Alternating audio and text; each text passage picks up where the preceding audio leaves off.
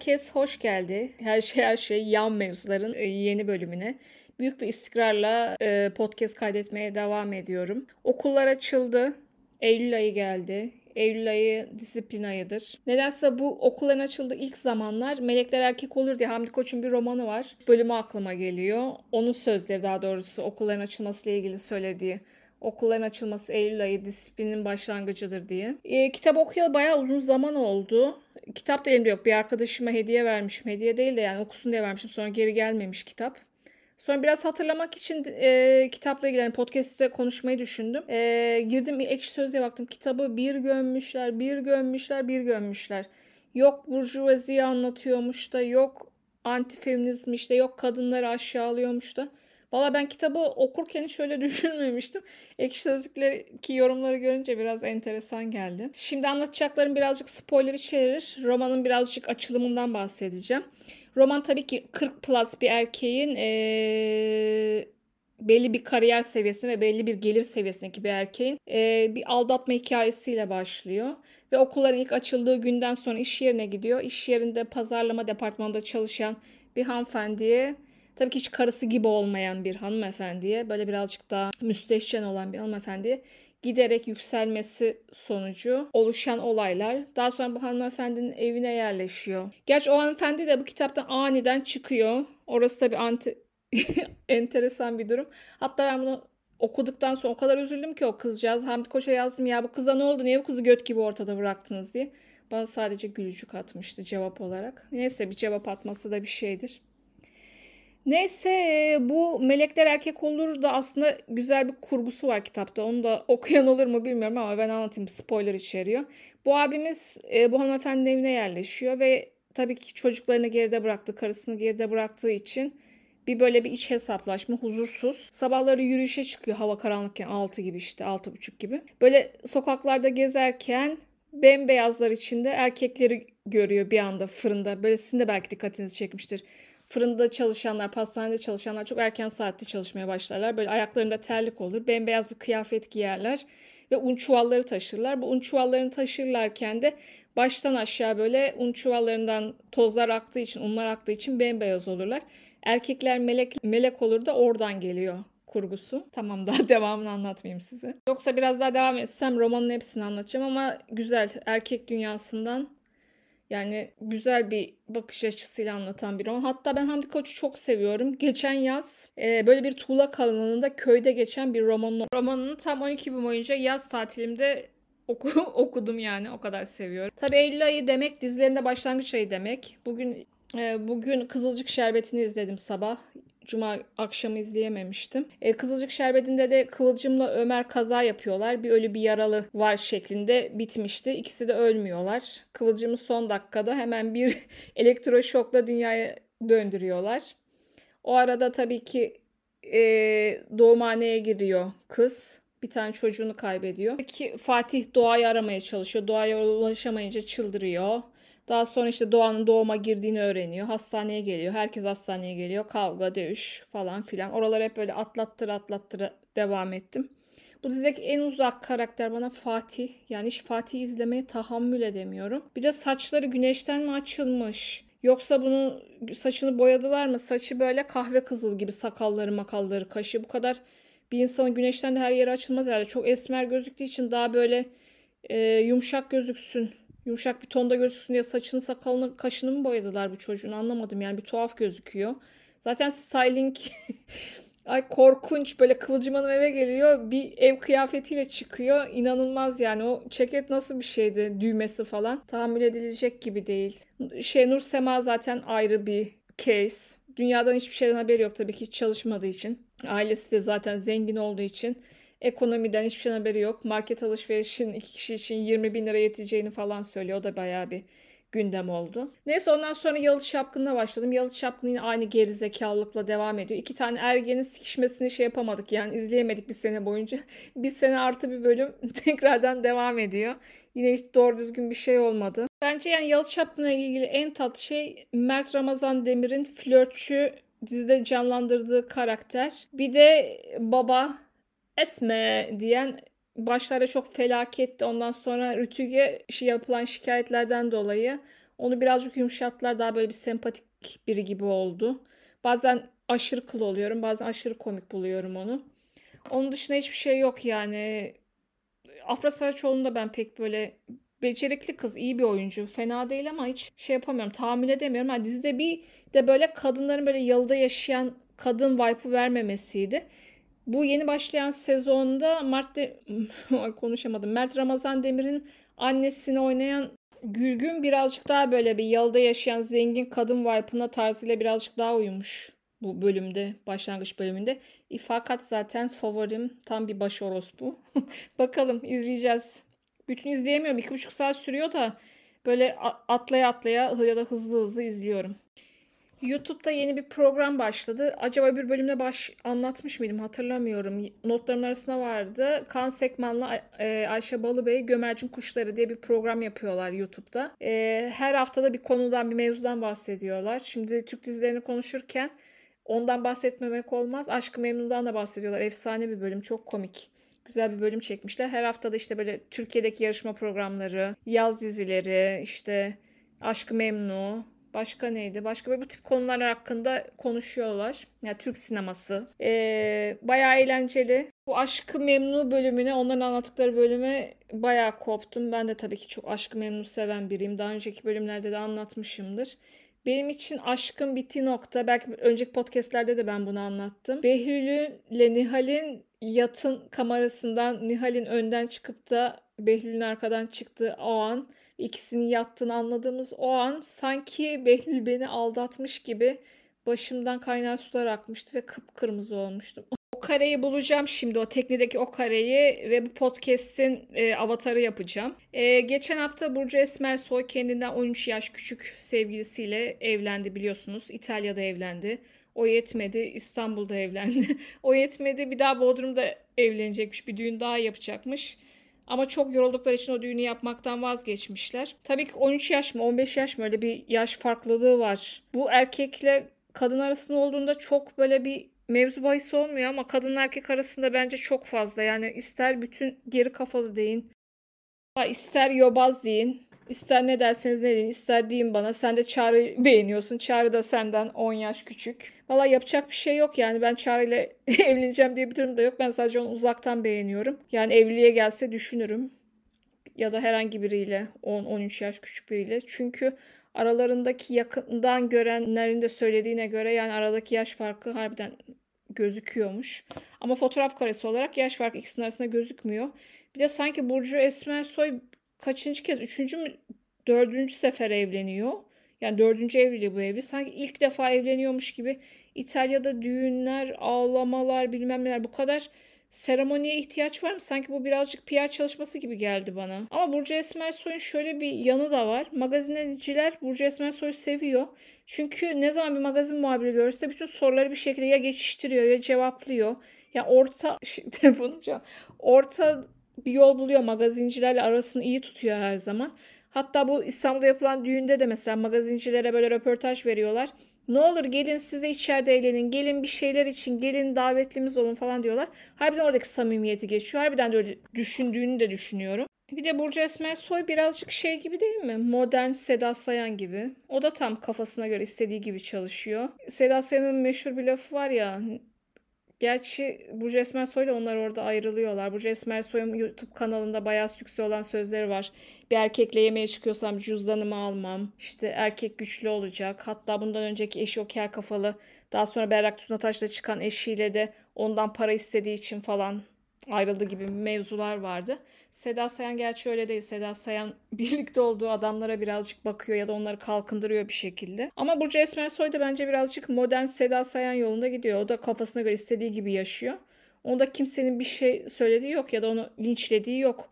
Mesela Pınar Altuğ hala kadıncağız. Linç yiyor ki çocuğu çocuğu var kaç yıllık evli. Bazı böyle ünlülere çifte standart var.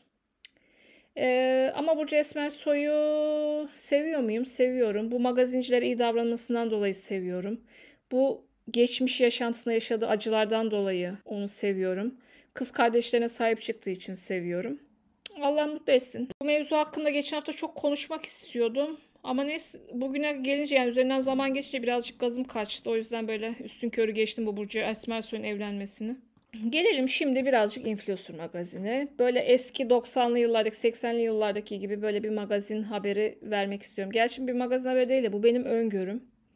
Şimdi e, Spotify'a podcast kaydeden, yurt dışına bir yere yerleşmiş, bir daha önceden neyse o kadar bilgi vermeyelim. Bir tane hanım kızımız var influencer. Güzel iyi eğitim almış, iyi okullardan yetişmiş. Ama bu kız böyle şeye çok meraklıydı. Evlenmeye, devamlı birisinin arayışı içindeydi. Daha sonra hiç beğenmediği biriyle öyle diyeyim yine aynı segmentten yine aynı mezun olduğu kolejlerden falan bir çocukla evlendi. Onu birazcık böyle kendine dönüştürdü. İşte yurt dışına gittiler, taşındılar beraber. Ama bu hanım kızımızı ben adını söylemeyeceğim buradan ama inanılmaz mutsuz görüyorum ya. Sanki böyle mutluymuş gibi. Kocasıyla pozlar veriyor. İşte şuradayız, buradayız. Erotik yani böyle nasıl diyeyim kaliteli elektro, elektro şey ay kaliteli seksi pozlar vermeye çalışıyor falan. Şeyde de bayağı yüksek sıralarda podcastleri de. Bu yakında böyle patlak verecek ya. Bu tekrardan bütün fotoğrafları silecek. Tekrar Türkiye'ye geri dönecek.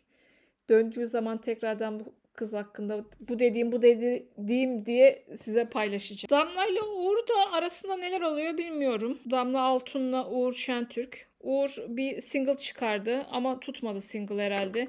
Büyük böyle bir tanıtımlarla falan çıkardılar ama hiçbir yerde Uğur'un şarkısıyla alakalı bir şey duymuyorum. Damla da Tarabya'da yeni bir ev almıştı. Onu restore ediyorlardı. Geçen sene Roma'da evlilik teklif etmişti Uğur.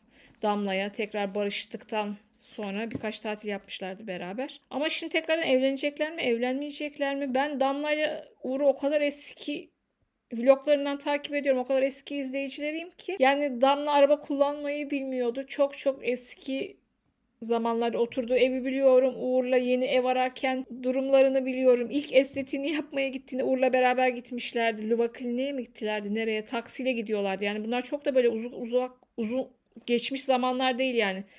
2019 yılı. Hadi 2018'in sonu falan yani pandemiden önce acayip yürüdüler. Acayip zengin oldular. Ama e, Uğur mesela böyle vlog çekerken Damla böyle somurtuk gözüküyor onun vloglarında. Ama kendisi şey e, vlog çekerken gayet pozitif. Uğur'un da öyle pozitif olmasını istiyor ama bilemiyorum yani bunların arasındaki enerjiyi de bir türlü çözemedim ama bana göre Uğur Damla'yı çok seviyor. Ama Damla'dan emin değilim. Damla yalnız kalamadığı için mi Uğur'la beraber? Bilenler varsa yazsınlar bana bir öngörüleri olan bu ilişkiyle ilgili. Ben bundan ayrıldıktan sonraki süreçlerini de takip ettim. Mesela Damla çok gezdi. Kız kısa işte Wu'lara gitmeler, Şkoperanlara gitmeler, gezmeler. Aslında Damla yeni bir ilişki aradı. Uğur'la olan ilişkisinden sıkılmıştı. Bana öyle bir vibe veriyordu. Ama dışarıda Uğur'dan daha iyisi olduğunu göremedi bence.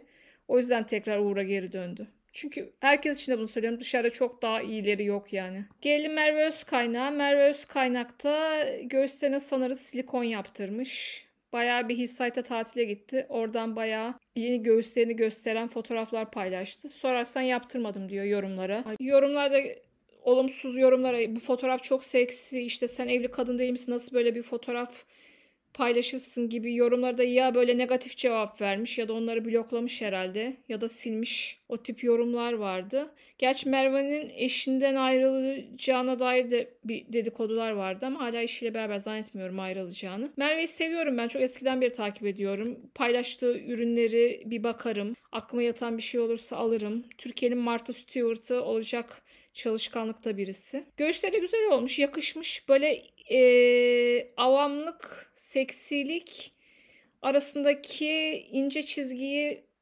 iyi koruyan isimlerden birisi Merve. Yakışmış. Hayırlı olsun yeni göğüslerin. Biliyorsunuz e, Mehmet Aslantu ile Arzu Monan boşandılar. Mehmet Aslantu isyan etti böyle Instagram'dan bir böyle bir konuşma yayınladı. İşte ben boşanmak istemedim. Arzum benden boşanmak istedi. Niye hep erkekleri suçluyorsunuz? Niye hep aldatan erkeklermiş gibi lanse ediyorsunuz? Artık ben yani bu Mehmet Aslan Tül, Arzu Mona'nın bu örnek çift gösterilmesinden örnek boşanmış çift olarak gösterilmeye devam edilmesinden acayip sıkıldım.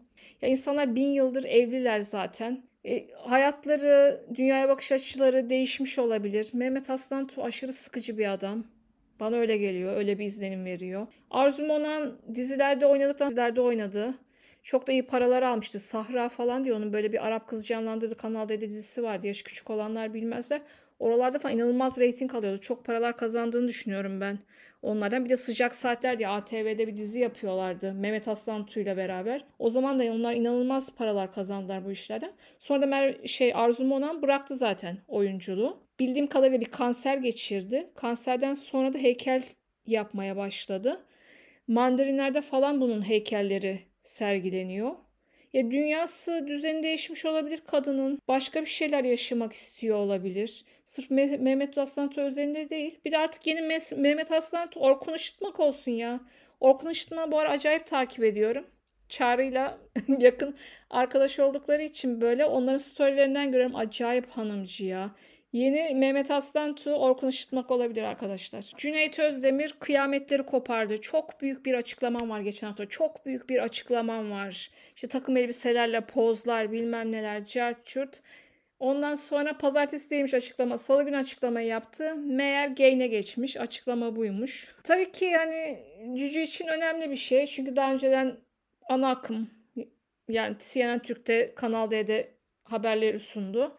Again tam onun YouTube dışında olabileceği platformlardan birisi. O yüzden de heyecanlanıp bu kadar büyüterek, abartarak paylaşması anormal karşılamadım ama böyle bir daha büyük bir şey bekliyordum açıkçası. Gain'e geçtiğince ha bu muymuş bu kadar kıyamet kopulan, koparttığı şey dedim. Hayırlı olsun anda Cücü'yü seviyoruz. Ben onun Gain'e geçtiğini duyunca Supi'ye üyeydim. E, Cüneyt Özdemir'in aplikasyonu, belgesel aplikasyonu. Böyle bir şirket kurmuşlardı. E dedim bari Gain'e geçeyim. Sophia hiç izlemiyorum. Hiçbir şey boşu boşuna para ödüyorum. Birkaç kuruş daha fazla veririm. Gain'e geçerim dedim. Özür dilerim yani Sophia üyeliğimi iptal ettim. Ve Gain'e geçeceğim. Bir bakacağım yani. Gain çünkü şey böyle terk edilmiş. Gerçi bu benim lafım değil. Kutsal Motor'da Kaanlar söylemişti bunu. Terk edilmiş bir Luna Park gibi yani. Ne var Gain'de hiç bilmiyorum. Ayak işleri herhalde çok popüler. Kalt bir dizi yaptı. Neydi çocuğun adı ya? Caner Özyurtlu ve Volkan Öge falan oynuyor. Herhalde Caner Özyurtlu şey mi? Yönetmeni mi? Biraz o diziye de bakarım. O dizide de inanılmaz kötü eleştiriler var. Skeçlerden dizi mi yapmışlar? Bir şey tamam bilmeden cahil cahil konuşmayayım da. Ee, Caner Özyurtlu'nun programında kendi eleştirilerini yapıyorlardı. Oradan izlemiştim bir fikriyatım var. Gain'e üye olursam onda bir bakacağım. Şimdi bir yemek sipariş vermiştim. Ara verdim podcast kaydetmeye. O arada e, bize kaldı diye bir makyaj programı var ya. Orada ünlüleri çağırıyorlar, makyaj yapıyorlar. Feza Feza Altun muydu? Ay çocukların adını unuttum ya. Çok iyi makyözler. İkisi bir ünlüyü konuk ediyorlar. Oraya Bircan Bali katılmış. YouTube programının adı bize kaldı. Ay Bircan hiçbir şey söylemiyor. Neden söylemezsen olmazdan ayrıldığını söylemiyor. Yeni bir magazin programı Yeni bir magazin programı yapacakmış ama onun adı sır gibi saklanıyor. Hangi kanal olduğu belli değil. Rumeli TV mi? Kon TV mi artık hangi TV olduğu hiç belli değil. Yüzünde sorsan hiçbir estetik yok. Sadece dudaklarında dolgu varmış. İnanırsan bende bile daha fazla estetik var. Bir de seneye bir program yapacakmış. Müge Anlı'dan daha ünlü olacakmış. Nasıl iddialı laflarsa bunlar. Sokakta yürüyemeyecekmiş. Herkes bunu çevirecekmiş. Bircan'cığım bu neyin iddiası ya? Senin Beyaz TV'nin dışında bilmiyorum yani. Belki bir kanalda daha program yapabilirsin ama da tutulmadıktan sonra biraz televizyon kariyerin uzun süreli olmayacak diye düşünüyorum. YouTube'da da zaten girdin. YouTube'daki işlerin de çok başarılı olmadı. Bir de televizyon para için yapmıyormuş. Televizyondan para kazanmıyormuş. Yeteri kadar parası varmış zaten. Zannedersin Cambridge'de okumuş, Oxford'da okumuş. Yok siyaset bilimi okudum, onu okudum, bunu okudum. Uzaktan Adalet Yüksek Okulu okuyor, onu anlatıyor. Yani Oxford'da, ODTÜ'de okuyan kendini bu kadar iyi pazarlayamıyordur. Marketing olay yani. Yüz üzerinden yüz bir cana. Geçtiğimiz hafta iki tane daha olay oldu. Bir tanesi Tuğba Büyüküstü'nün paylaştığı storylerin kimsenin neden olduğunu anlamaması. Bir de Mert Yazıcıoğlu'nun işte Afra Saraçoğlu'ndan ayrıldıktan sonra dizisi bitti. Aynı şekilde Dilan Polat, Dilan Polat diyorum ya. Dilan Polat hakkında da konuşacağım. Neydi kızın adı? Dilan Çiçek Deniz'in de dizisi bitmişti. İki böyle dizi mağduru. ikisi de sevgilisinden ayrılmıştı. İşte Dilan Çiçek Deniz, Thor. Neden bu Thor'un adını biliyoruz? Thor'la ilgili her şeyi neden biliyoruz bilmiyorum ama ondan ayrılmıştı. İşte Mert Yazıcıoğlu da Afra Saraçoğlu'ndan ayrılmıştı işte malum olaylardan dolayı. Bunlar bir birliktelik yaşadılar. Daha sonra Dilan Çiçek Deniz ayrıldı Mert Yazıcıoğlu'ndan. Mert Yazıcıoğlu da biraz bunalımda gibi basmış protein tozlarını, basmış protein tozlarını. O yakışıklı, bohem, böyle gizemli çocuk. Hiç herkes gibi olmuş yani. Geçen bölümde bahsettiğim hani kendi kariyerlerini kendi kendine bitiren isimlerden olmaz inşallah Tuba Büyüküstüne Mert Yazıcıoğlu. Onları radarıma aldım, takip ediyorum. Şimdi biliyorsunuz yeni eriştiğiniz Çağrı Ergün, namı değer Hype Twitch adıyla. Alper Rende'nin Yengem Olur Musun programına mı? Yengem Olur Musun? Yengem öyle bir şey. Bir flört programına katıldı. E, program kısaca şöyle. Kızların e, çocukluk halleri ya da ergenlik halinden fotoğraflar var ama fotoğraflar tabii ki birazcık çirkin. Onları baz alarak kızlara sorular sorarak kızları eliyorsun eliyorsun sonunda birisini seçiyorsun. Alper'cim yani dev gibi dağ gibi adama yani sen seçe seçe o kızları mı seçtin ya? Programda da herhalde Çağrı herkese katmandakilere söyletti. Hiç kimse de böyle kızlar hakkında yorum falan yapmadı kötü bir şey söylenmedi. Normalde yani aynı versiyonları yabancılar yapılırken hep konuşulurdu kızlar hakkında. Şu güzel, bu güzel, öyle böyle ah uh bir şeyler denirdi yani. Dün programı Twitch'te izlediler. Hiçbir yorum yapmadılar programla alakalı. Sadece yorumla like istediler YouTube üzerinden. Olacak şey değil yani. Dağ gibi adama bula bula bu kızların buldunuz. Bir de niye hiç katmandakiler kızlar hakkında ya da program hakkında yorum yaptırmadı çağrı bilmiyorum. Herkes önceden tembihli gibiydi. İki dakikada Alper Rende hakkında konuşayım. Bu Alper Rende de aşırı efendi bir çocuk. Ben bu çocuğu hiç tanımıyordum. Ee, Ali Biçim'le Mesut Can Toma'yı takip etmeye başlayınca böyle YouTube'da bir Twitch yayına denk geldim. Kendine müzisyenin kanalına çıkmışlar. Beraber filmde oynamışlar. Alper Rende, Ali Biçim, kendine müzisyen.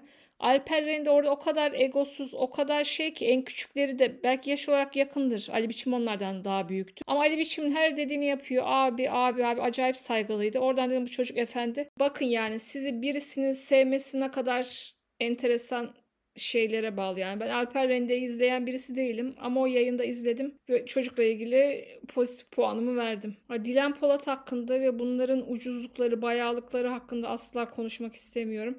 Cüneyt Özdemir de bunları tanımadığı için ya da tanımak istemediği için mi? Rating kastını da düşünmüyorum. Bu Dilan Polatlarla ilgili laf söylemiş de yani hiç konuşulacak tipler değiller. Hiç benim magazin şeyimde değiller, skalamda değiller. O yüzden onlar hakkında konuşmak istemiyorum. Son bir mevzu var konuşmak istediğim. Bu erkeklerin takı merakı. Bu erkeklere bu takı merakını Cem Yılmaz mı empoze etti bilmiyorum. İlk böyle şey kolye takan oydu hatırlıyorum yani birkaç sene önce. Şimdi bütün stand-upçılar kolye takıyor. Kolye zincir takmadan stand-up'a çıkan, konsere çıkan erkek yok gibi. Bütün Twitch yayıncılarının boynunda kolye var. Hepsi bir abuk subuk küpeler, abuk subuk kolyeler, bileklikler. Ya bu kadar erkek takısı şey miydi? Bu kadar revaçta mıydı daha önce? Ben ki erkek takısı tasarımı yapan hatta çok zor bir zamanımda bir buçuk sene erkek takısı yaparak bundan para kazanıp geçinip borçlarını ödeyen birisiyim yani. Erkek takısı olabildiğince minimalist olması gerekiyor. Böyle çareyle korkunç çağrının taktığı kolyeler boynuna bir deri ipten kurt kolyesi takıyor. Kim sana onun güzel olduğunu söyledi de takıyorsun Allah aşkına. Çağrı'dan sonra Çağrı'nın taktığı kolyelerden sonra daha çok ilgimi çekmeye başladı. Bu iş nereden başladı dedim. Cem Yılmaz'la başladı gibi geliyor. Çünkü erkek takısı yaptığım için Türkiye'de de kimin taktığını takip ediyordum daha önceden. Ya erkekler tabii ki takı takabilir. Takı takmayacak diye bir şey yok. Zaten biz bunun tasarımını yapıp da bundan para kazanan bir insanım ben hali hazırda da hobi gibi bir işim olsa da devam ediyor. Ama ben olabildiğince küçük parçalar, minimalist parçalar, daha unik parçalar kullanılarak yapılan erkek takılarından hoşlanıyorum. Bir de her erkeğe kolye yakışmıyor. Her kadına da kolye yakışmaz. Yani kolyenin yakıştığı boyun var, yakışmadığı boyun var, tarz var. Bir de takıyı günlük hayatına yedirmen gerekiyor. Kadın için de bu geçerli. Emanet gibi durur taktığın takı, bileklikler, kolye, küpe. Yani devamlı günlük hayatın içinde onu böyle bir sindirmelisin ki onun böyle yapay durmadığı, tarzın olduğu gözükür. Bazılarına bakıyorum böyle o sahnedeyken ya da YouTube'da yayındayken ya da televizyondayken, stand-up'tayken taktıkları o kadar belli. Normal hayatta takmadıkları da o kadar belli ki çok yapay duruyor. Yani bu erkekler bu takı işinden yakışmayanlar en azından vazgeçmeli. Yakışanlar da olabildiğince küçük parçalar kullanmalı.